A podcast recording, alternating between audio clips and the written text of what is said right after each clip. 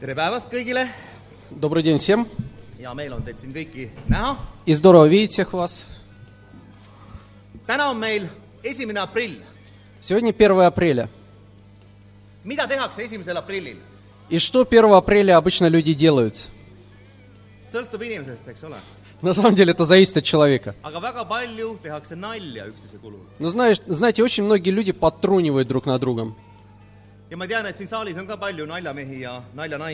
Я знаю, что в этом зале тоже сидят люди, которые любят шутить над другими. Но знаете, пару дней назад я задумался,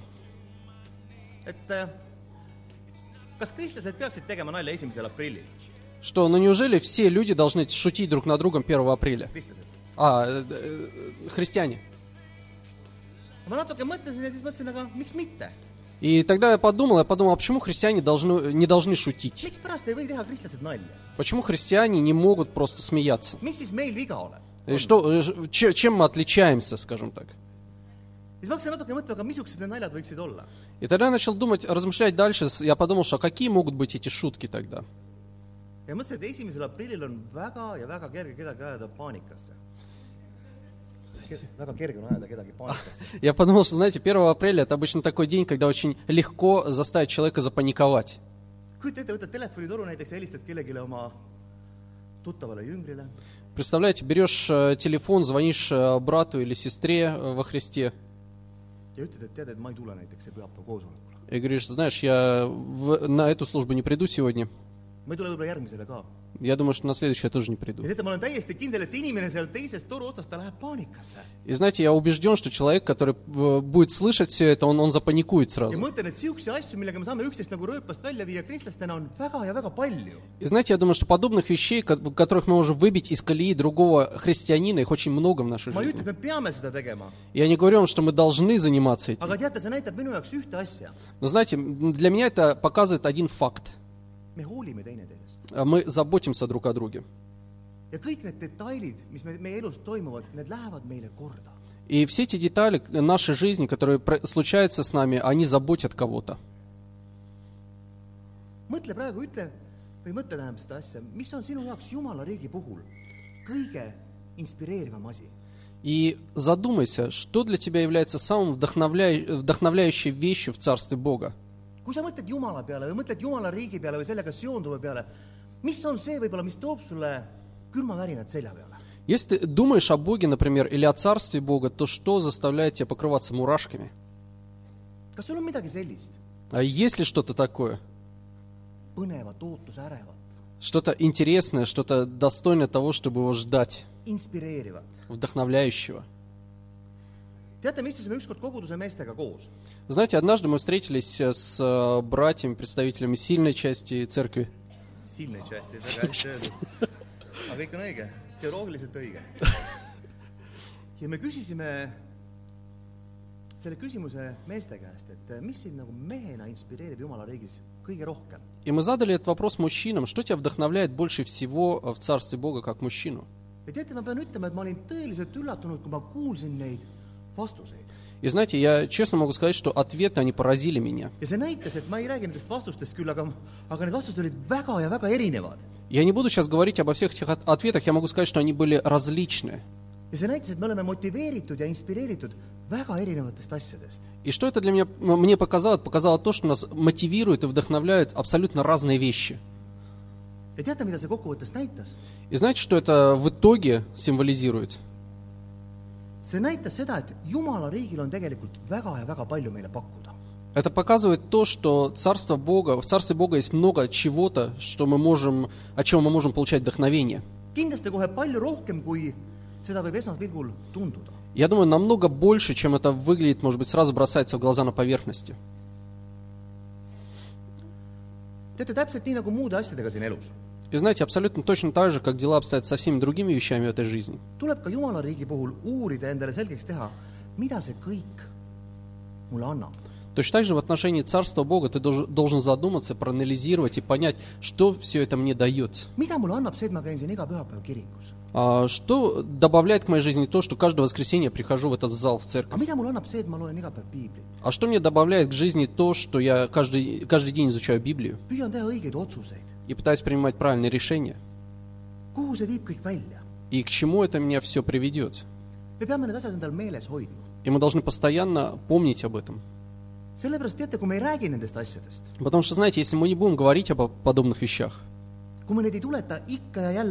если мы не будем постоянно напоминать самим себе о них, тогда эта жизнь для нас, она будет представать в таких э, тяжелых тонах. Ja lisaks sellele tundub veel, et eh, jumal paneb veel kuidagi eriliselt raskema koorma meie peale. И в дополнение к этому будет казаться, что Бог, Он еще и нагружает нас в в дополнение ко всем тяжестям жизни. Мы должны отдавать себе отчет, ради чего мы делаем все это. И ради чего мы верим. teate, öeldakse, et eh, nõrk visioon toob endaga kaasa vähese pingutuse. И знаете, говорят, что а, слабое видение, оно провоцирует слабые усилия. kui meie eesmärk on selge, siis me teame, mille nimel pingutada. Если у нас есть четкая цель в жизни, то мы знаем, ради чего мы прилагаем усилия. Потому что, ну, давайте будем откровенным, нам не нравится прилагать усилия в своей жизни для достижения каких-то туманных, расплывчатых целей. sul võivad olla praegu elus kiired ajad. А, Да, вот у тебя может быть э, сложный, э, бы- бы- быстрый, быстрый темп жизни сейчас. sa võid olla hõivatud ja rakkes А, Может быть, тебе очень тяжело, ты занят. ning võib-olla hetkel ei ole Jumala riik esimeste asjade seas. И, может быть, на данный момент для тебя Царство Бога отодвинулось уже на второй план. kuid ma palun sind, mõtle korraks, Но я прошу тебя, задумайся. millise oodatud äh, lõpptulemuse või peaks andma see töö või see suund, kuhu sa täna kõige enam panustad? Если ты проанализируешь, что, ради чего, к чему ты прилагаешь все усилия, к чему ты стремишься, то подумай, к чему это тебя приведет, к какому финалу, kuhu see kõik viib? а к чему ты придешь в итоге. võib-olla see on sinu karjäär, Может быть, ты прилагаешь все усилия для построения карьеры. võib-olla see on sinu hobi, võib-olla see on midagi muud. Может быть, для своего хобби или к чему-то иному. kuhu see viib sind välja? И к чему это тебя приведет в конце концов. kas sa arvad, et sellel on tulevikku ilma Jumalata? А, как ты думаешь, есть ли у всего этого э, будущее без Бога? piibel räägib sellisest asjast nagu eluraamat. А, Библия говорит о такой вещи, как книга жизни. ongi niisugune asi, eluraamat. Вот такая вещь существует, книга жизни называется. Я думаю, что многие из вас, может быть, слышали или читали про это. Но что вот является этой книгой жизни? teate, nii palju, kui mina olen uurinud piiblit, И знаете, насколько я изучал Библию, saan ma aru, et selle all on mõeldud valitute nimekirja. я понял, что книга жизни содержит в себе список э, имен людей, которые избраны Богом. ja selles nimekirjas on need, kes pärivad selle igavese elu И в этой книге записаны имена всех людей, которые наследуют жизнь вечную ja need, kes veedavad oma igavikku koos Jumalaga. и которые проведут э, вечность с Богом. loeme mõned kohad piiblist. И давайте прочитаем некоторые места Писания. see on äh, ilmutuse raamat kolmas äh, peatükk , värsid viis ja kuus . А, Третья глава книги Откровения, 5 и 6 стихи. ja siin on öeldud , kes võidab , see riietatakse samamoodi valgete rõivastega . mina ei kustuta tema nime eluraamatust ning ma tunnistan tema nime oma isa ees ja isa inglite ees .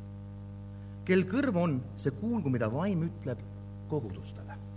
Побеждающий будет одет в белую одежду, и я не вычеркну его имени из книги жизни, но признаю его перед моим Отцом и перед его ангелами.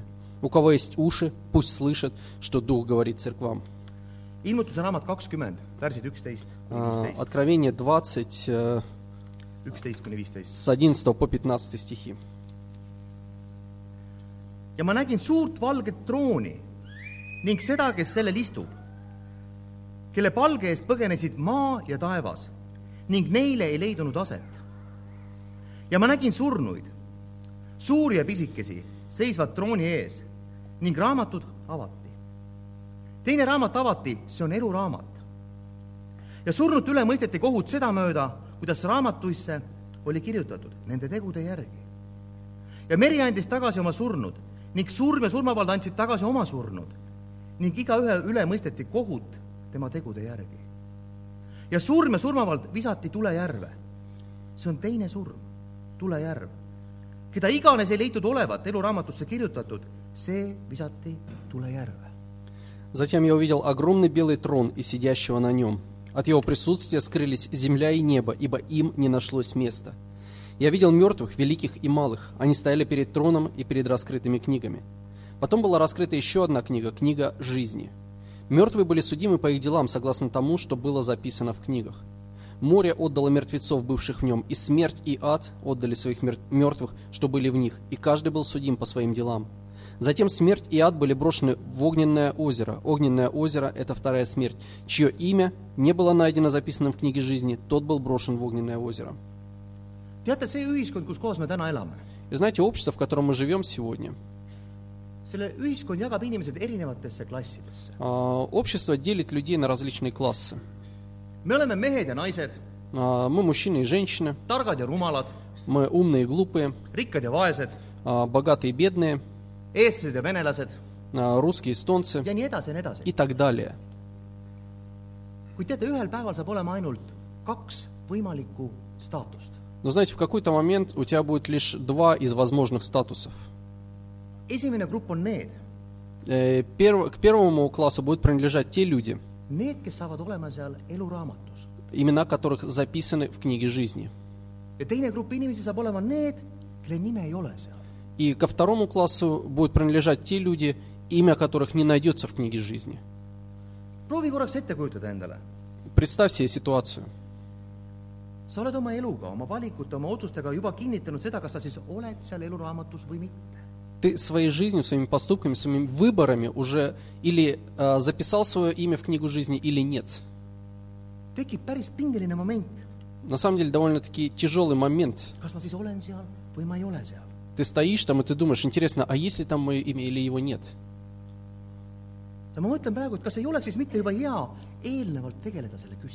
Я думаю, что неужели не э, разумно было бы заранее начать заниматься этим вопросом? mitte oodata seda viimast momenti, Не ждать этого последнего момента суда. Не откладывать это постоянно куда-то в будущее, принятие этого решения. А был ли ты когда-нибудь э, в списке приглашенных куда-то?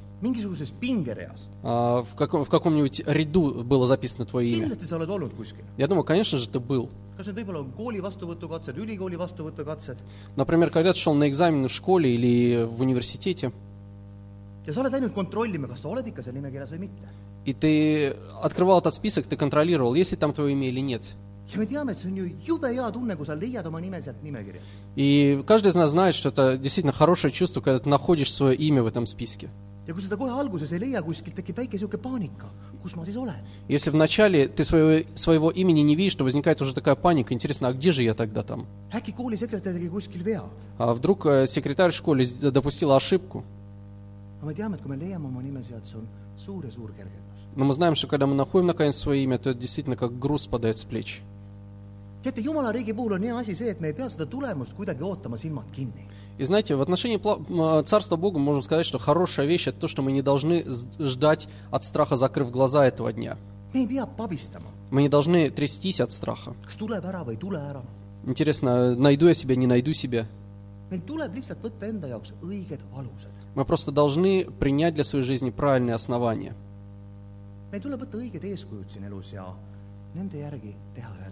Мы должны равняться на правильные примеры в этой жизни.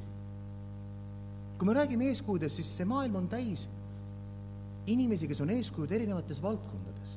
И говоря о примерах, можем сказать, что мир вообще полон людей, которые являются примерами в различных областях жизни. kuid kui sa tahad midagi igavest saavutada, Но если ты хочешь э, достичь какой-то вечной цели, тогда ты должен взять себе пример Христа. И тогда ты должен равняться на Него. А, Может быть, нам не нравится слово «должен», но на самом деле, ну, так просто обстоят дела. esimene asi, millest me täna räägime pikemalt, on usalda Jumalat oma südameasjades. И первая вещь, о которой мы более подробно сегодня, на которой мы более подробно остановимся, это доверяй Богу дела и мысли своего сердца. teate, kui midagi on meie füüsilisel tervisel viga, Знаете, если у нас э, случается что-то со здоровьем, siis me ei oota väga pikalt. тогда, в общем-то, мы долго не ждем. me läheme arsti juurde, Мы идем к врачу, me otsime sealt abi мы ищем помощи, spetsialistide käest мы привлекаем специалистов, ja me и мы хотим очень быстро решить эту проблему. ja teate, eriti kerge on usaldada arste siis, kui meie selg on surutud vastu seina. И знаете, особенно легко тебе становится доверять врачам, когда ты уже зажат в угол, kui asjad on juba väga pahasti. когда все у тебя уже очень плохо в жизни. me läheme arsti juurde ja ütleme et arstile, et tead, ütle sina, mida ma pean tegema, ma teen. Мы идем к врачу и говорим, слушай, скажи мне, что я должен сделать, я обещаю, я буду это делать. arst ütleb ja me teeme. А Врач тебе дает совет, и ты начинаешь жить согласно этим советам. Ja peab ütlema, et me oleme väga ja väga koostöövalmid. И в таких ситуациях мы очень готовы к сотрудничеству. kui me juba siin arstidest räägime, siis vaadake ühte meest siin. Если уже мы стали говорить о врачах, то посмотрите вот на эту картинку. kas keegi teab seda meest? Кто-нибудь знает из вас этого человека? Birgit.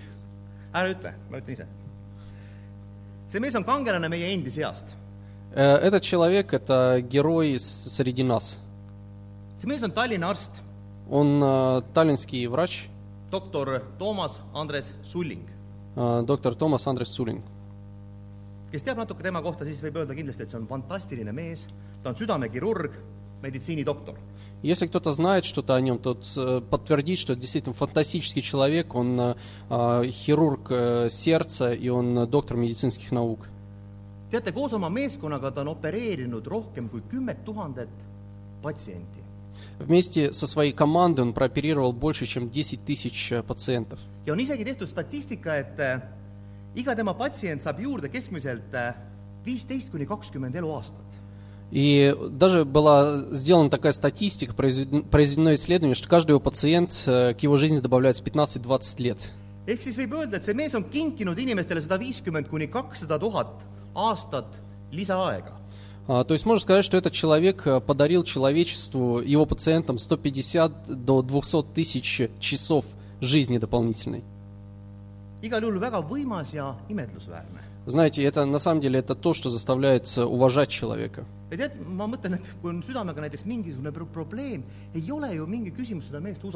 И знаете, когда у тебя какая-то проблема с сердцем, я думаю, что тебе будет не проблема доверять этому человеку.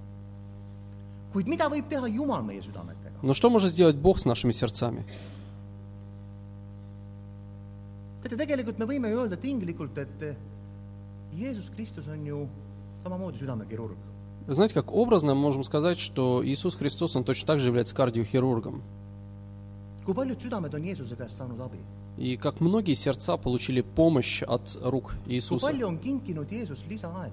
Как многим людям Он подарил дополнительное время, дополнительные годы.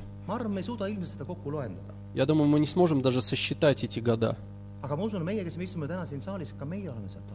Но я думаю, что каждый человек, сидящий в этом зале, каждый из нас получил помощь от Него.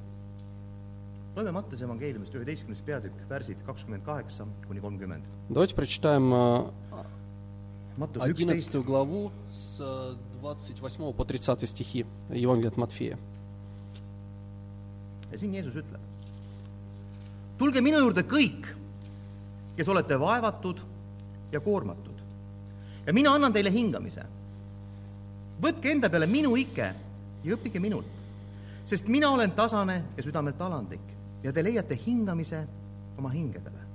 sest minu ike on hea ja minu koorem on kerge . Здесь Иисус говорит, «Придите ко мне все усталые и обремененные, и я успокою вас. Возьмите на себя ермо мое и научитесь от меня, потому что я кроток и смирен сердцем, и вы найдете покой вашим душам. Ведь мое ермо не тяжело, и моя ноша легка». Иисус говорит, каждому, обращаясь к каждому из нас, «Приди ко мне, приди ко мне, я помогу тебе. tule minu juurde, õpi minult А, Приди ко мне и научись меня. И я обещаю тебе, что ты найдешь э, отдых своей душе. Но доверяешь ли ты в своих сердечных делах Богу? Когда тебе на самом деле тяжело, то осмеливаешься ли ты поднять глаза к небу? kui sul ei ole seda veendumust täna, siis ma julgustan sind vaatama. Если у тебя нет э, этого убеждения сегодня, то я хочу вдохновить тебя, смотри на Христа в эти моменты. Попробуй. pane kas või seesama piiblikoht, mida me lugesime siin koos, pane see piiblikoht proovile, kas see töötab või see ei tööta. Это же самое место Писания, которое мы только что прочитали. Посмотри, будет ли оно работать в твоей жизни или нет. Но только не, не проверяй это так, как ты хочешь проверить это, но так, как Иисус просит тебя об этом. Знаете, 8 лет назад от Бога я получил незабываемый урок. Я верю, что до конца жизни я буду помнить о нем. Я был э, в Швеции на конференции,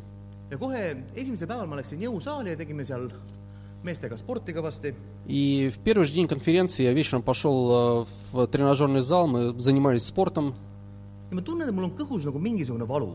И знаете, вдруг я почувствовал какую-то боль в животе. И боль начала усиливаться и усиливаться. И знаете, в конце концов, э, у, меня, у меня было такое чувство, что я вот-вот э, рожать начну уже.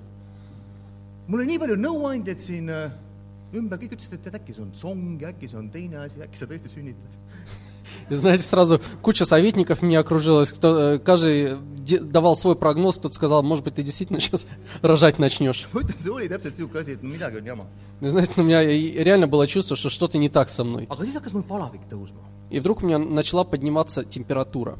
Ja siis palavik läks juba seal neljandal-viiendal päeval läks juba neljakümne peale vaikselt. И где-то на четвертый и пятый день температура поднялась до 40 уже. ja muidugi ma jõin ja sõin seal igast asju sisse, et saaks selle palaviku vähemalt, alla saab elada. И, конечно же, я пытался есть всевозможные лекарства, только бы избавиться от температуры. sõitsime tagasi sealt laevaga sealt Rootsist siis Tallinna poole, Мы вернулись на корабле из Швеции в Таллин, laevaarst andis ka veel nõu, ütles, et võta see tablett, aga mine kindlasti Tallinnas arsti juurde. и на корабле врач тоже дал мне таблетку какую-то, сказал, ну обязательно сходи, покажись врачу в Таллине. noh, Tallinnas ma sõitsingi kohe kiirabihaiglasse А, Таллине я сразу поехал в больницу Mustamäele а, ja olin seal siis, läksin seal, mingid praktikandid teenindasid mind А, Я пришел, какие-то практиканты там посмотрели меня, ja ütlesid seal ühte asja ja teist asja mulle. начали опять какие-то диагнозы ставить. ja kuna mul oli seal palavik jälle seal neljakümne all, et siis ma ütlesin, kuulge, teate, andke mulle mingid antibiootikumid, saatke mind koju. Э, Поскольку у меня температура где-то была там около 40, я сказал, «Слу- слушайте, дайте антибиотики какие-то, я поеду домой. Ja ma sõitsingi koju ja, ja siis helistasin tee peal Triinule, et kuule, et ole hea oma abikaasale, et eh, tee mulle Coldrexi, et ma tean, et Coldrex töötab alati. И я, я ехал домой на машине, еще позвонил Трин своей жене, попросил, слушай, сделай мне, пожалуйста, колдрекс, потому что я знаю, что это всегда помогает. ja teate, nii võtsin, И знаете, как только я глотнул этот колдрекс, э, живот как такое чувство, взорвался. Э, На самом деле взорвался. Plahvatas niimoodi, et mul pole elus sellist valu olnud. И он взорвался так, что никогда в жизни не чувствовал подобной боли. ja ma ütlen, ma sõna otseses mõttes, ma ronisin põrandale, ma hakkasin parketti närima. И э, в прямом смысле этого слова я упал на, на пол, я начал грызть паркет. ja siis käis teine plahvatus. И вдруг э, второй взрыв произошел. И моя супруга позвонила в скорую срочно. eh, А, Что-то у них там произошло, короче, машину не отправили. ja mul oli täitsa lõpp olla. Я, я чувствовал, что сейчас э, кони двину. ja ma vaatasin oma kõhtu ja teate, see kõht oli moondunud. И знаете, я посмотрел на свой живот, я видел, как он видоизменился просто. Он действительно был как необычный живот, а как будто действительно внутри какой-то взрыв произошел. siis selle suure valu peale tuli meie õde kogudusest Leena, kes on samamoodi arst, ta tuli ja tegi mulle ühe süsti, pani mind magama. Nagu koeraga. На все настойчивые звонки Лена приехала к нам, наша сестра, которая также является врачом, и сделала мне укол, я уснул от него.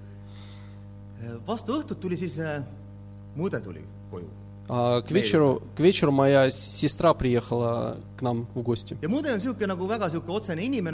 моя сестра, она очень такая прям- прямолинейный человек такой. Она сказала, что ты тут валяешься, ты хочешь умереть, что ли? Поехали к врачу. ja siis ta viis mind äh, kesklinna arstide juurde . И она отвезла меня в центральную больницу к врачам. sealt saadeti mind ära , ma ei saanud enam tegelikult käia , ma käisin kuidagi niimoodi küüruse hästi väikeste sammudega niimoodi , aga ma ei tahtnud , et keegi mind ka talutab . И оттуда меня отправили куда-то, я уже сам не мог ходить, но я не хотел, чтобы мне кто-то помог, я просто согнувшись как-то плелся куда-то. Меня отправили из этой больницы опять в Мустаме. Там опять я встретился с этими двумя практикантами, которые с утра мне ставили диагнозы. Наконец, дежурного хирурга вызвали, который два раза нажал мне на живот и сказал, ну все ясно, срочно на операцию. Ja siis ta hakkas seal midagi seal arstidega seal sosistama ja rääkima, et, et ruttu-ruttu tuba valmis, et meil on väga kiire И он стал там еще переговариваться с врачами, там с, э, он ш- э, шепотом, он говорил, срочно освободите комнату, у меня срочный пациент. И знаете, в тот момент я понял, что дела очень плохи. Ja see, et kas ma jään elama või ei jää, et see on võib-olla natuke isegi minutite küsimus. И вопрос, э, останусь я жив или нет, наверное, это все-таки вопрос минут нескольких уже. välja, Потому что на самом деле, что потом выяснилось, что у меня аппендицит просто лопнул. И весь этот яд, он уже распространился по организму, просто был вопрос минут, когда он достигнет сердца. ja ma lamasin siis seal kandetooli peal või kanderaami peal И вот я лежал там на, на столе, на носилках, ja mõtlesin, et näed, et oled küll suur ja tugev mees, и я лежал и думал про себя, вот интересно, знаешь, я вроде большой, сильный, on? ну и какая польза от этого теперь? Теперь ты даже не можешь встать самостоятельно. tegin ühe SMS-i veel oma abikaasale, Я еще смс отправил своей супруге. kirjutasin talle ainult ühe sõna sinna, palveta. Я написал только одно слово «молись».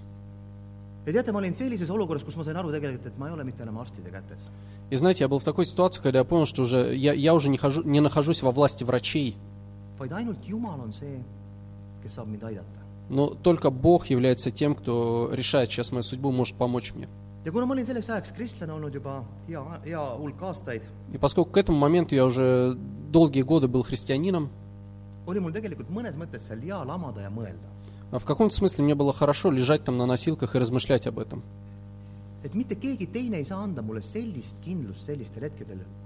И знаете, я понимаю, что никто иной, кроме Бога, не может мне дать такой уверенности в подобных моментах жизни. Потому что, знаете, я лежал, я понимал, что, может быть, меня сейчас повезут на, операционную, с- на операционный стол, и меня оттуда э, живым уже не снимут. И знаете, рано или поздно подобный момент, он будет у каждого из нас в жизни. И я знаю многих людей в этом зале, которые несколько таких моментов уже пережили в своей жизни.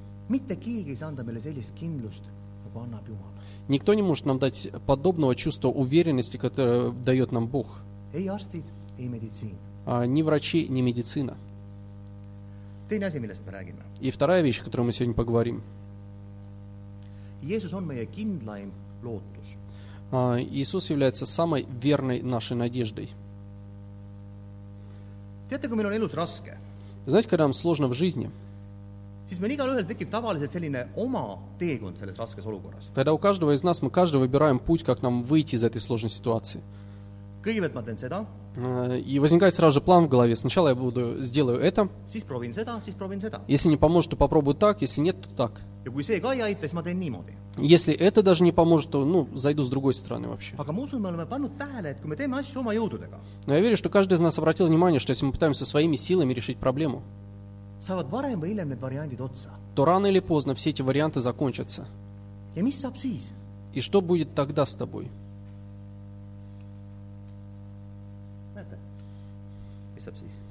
Видно, да, что там находится? See mees pildil on Austraalia aasta kodanik.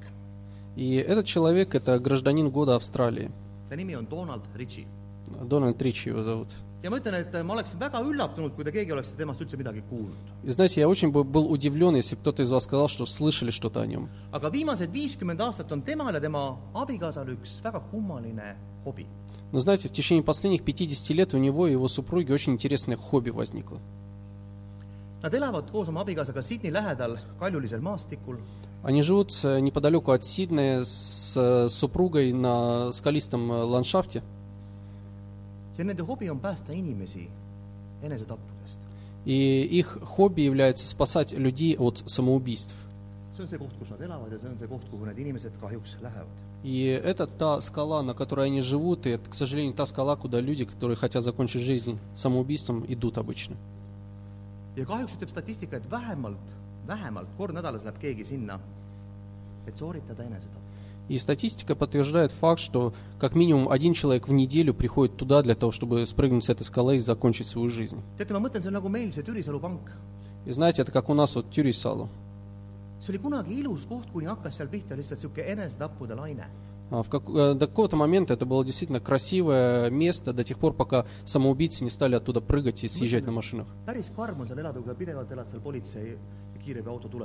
И знаете, я думаю, что довольно-таки страшно там жить, когда ты постоянно живешь, э, и э, сирены полицейских и скорой помощи тебя окружают. see Don Rich ja tema aba- abikaasa on veennud sada kuutekümmend inimest mitte seda tegema. И вот этот господин Ричи, его супруга, они 160 человек смогли убедить не делать этого шага. И он рассказал, как они с супругой делают это.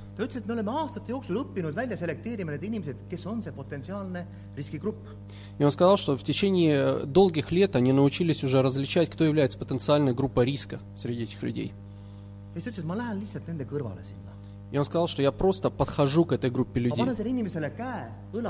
Я кладу руку на плечо этому человеку и предлагаю ему, что, может быть, вы хотите чашечку кофе выпить.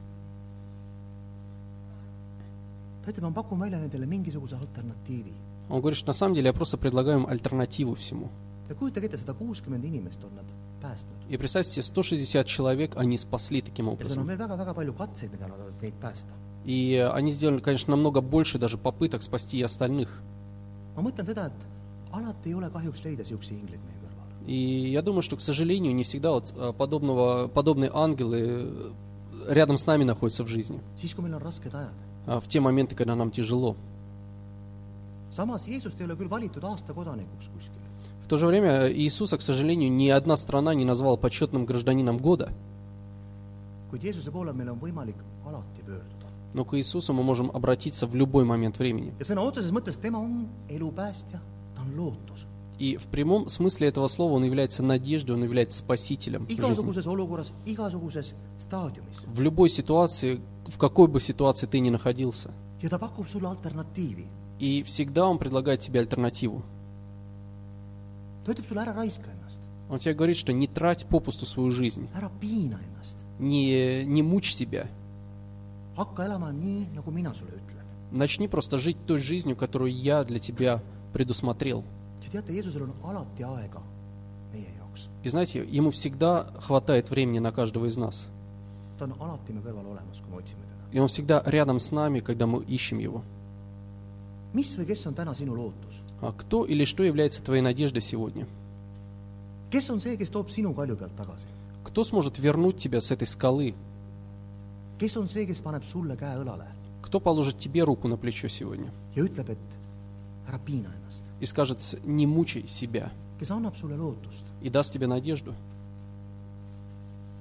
loeme roomlaste kaheksas peatükk , värsid kakskümmend neli , kakskümmend viis . Давайте прочитаем восьмую главу э, послания римлянам 24-25. sest me oleme päästetud lootuses . ent juba nähtava lootmine ei ole lootus . kes siis loodab seda , mida ta näeb ? Kui me aga loodame seda, mida me ei näe, siis me ootame seda kannatlikult. В этой надежде мы и спасены, но надежда не бывает направлена на то, что уже видимо. Если что-то уже видимо, то на что же ты надеешься? Мы надеемся на то, чего не видим, и терпеливо этого ожидаем. piibel õpetab meid loota millegile, mida me täna võib-olla ei näe. И Библия учит нас надеяться на что-то, чего мы не видим в своей жизни. ja teate, see võib tunduda tõesti kummaline. Да, и может быть это может показаться странным. Знаете, это ненормально для многих людей надеяться на что-то, чего ты не можешь увидеть.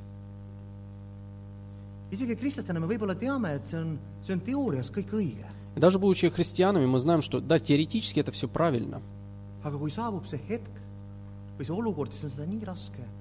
Но когда наступит этот момент в твоей жизни, то настолько сложно это при- при- притворить в практику. Намного проще было бы надеяться на что-то видимое и ре- реально существующее здесь, где мы можем приложить какие-то усилия и увидеть конкретный результат этих усилий, своими руками достичь этого. А, да, может быть, я получу меньше, но стопроцентная гарантия. И знаете, очень зачастую Бог является для нас как последней инстанцией. Ja me helistame alles sinna alles siis, kui on meil tõeline häda käes. И мы звоним на этот номер только тогда, когда нам действительно ничто иное не помогает. siis, kui kuhugile mujale pole helistada. Когда другие номера уже не отвечают. aga meil on võimalik loota Jumalale iga päev. Но у нас есть на- э, возможность надеяться на Бога каждый день. see on suur tarkus loota oma elus ja rajada see lootus Jumalale. И Это действительно великая мудрость надеяться на Бога и основывать свою жизнь на этой надежде.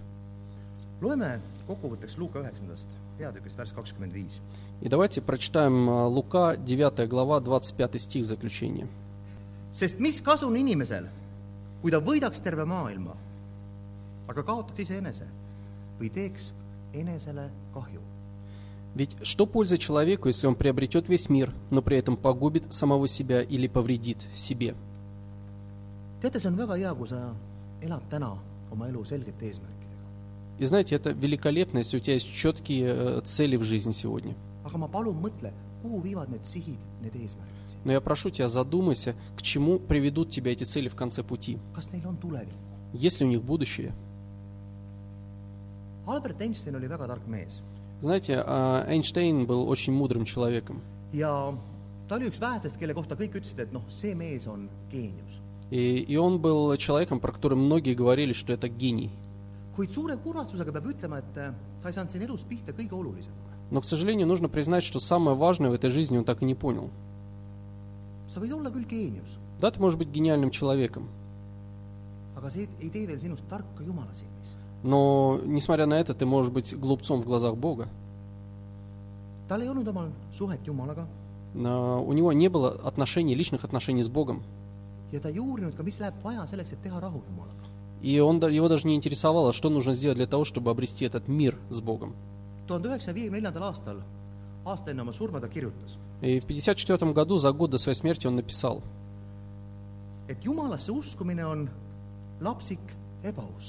«А, «Вера в Бога – это детское суеверие». И еще, sõna Jumal pole muud kui väljend ja tunnistus inimeste nõrkustest. «А, Слово «Бог» э, просто олицетворяет собой человеческие слабости. А Библия, благодаря своему объему, конечно, заслуживает уважения. А, Но содержащиеся в ней истории – это просто примитивные легенды, которые на самом деле по своей сути довольно-таки детские. И вот таким образом, такими словами Эйнштейн а, обрисовал свою картину понимания жизни. И знаете, жаль, жаль, если я не могу понять, что является самым важным в этой жизни. kujuta ette, kui sa kunagi vaatad tagasi ja mõtled, kui lihtne see kõik tegelikult oli. Представь себе, когда когда-нибудь ты будешь смотреть назад на свою жизнь, ты будешь думать, насколько просто все же было на самом деле. Потому что Царство Бога, оно несложное. А, Да, это кажется как теория относительности, может быть, на самом деле это все очень просто и объяснимо.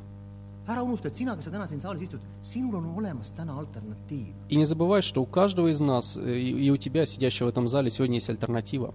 sinu jaoks on täna Jumal leitav ja kättesaadav. И ты сегодня можешь найти Бога и узнать Его. Попытайся научиться доверять Ему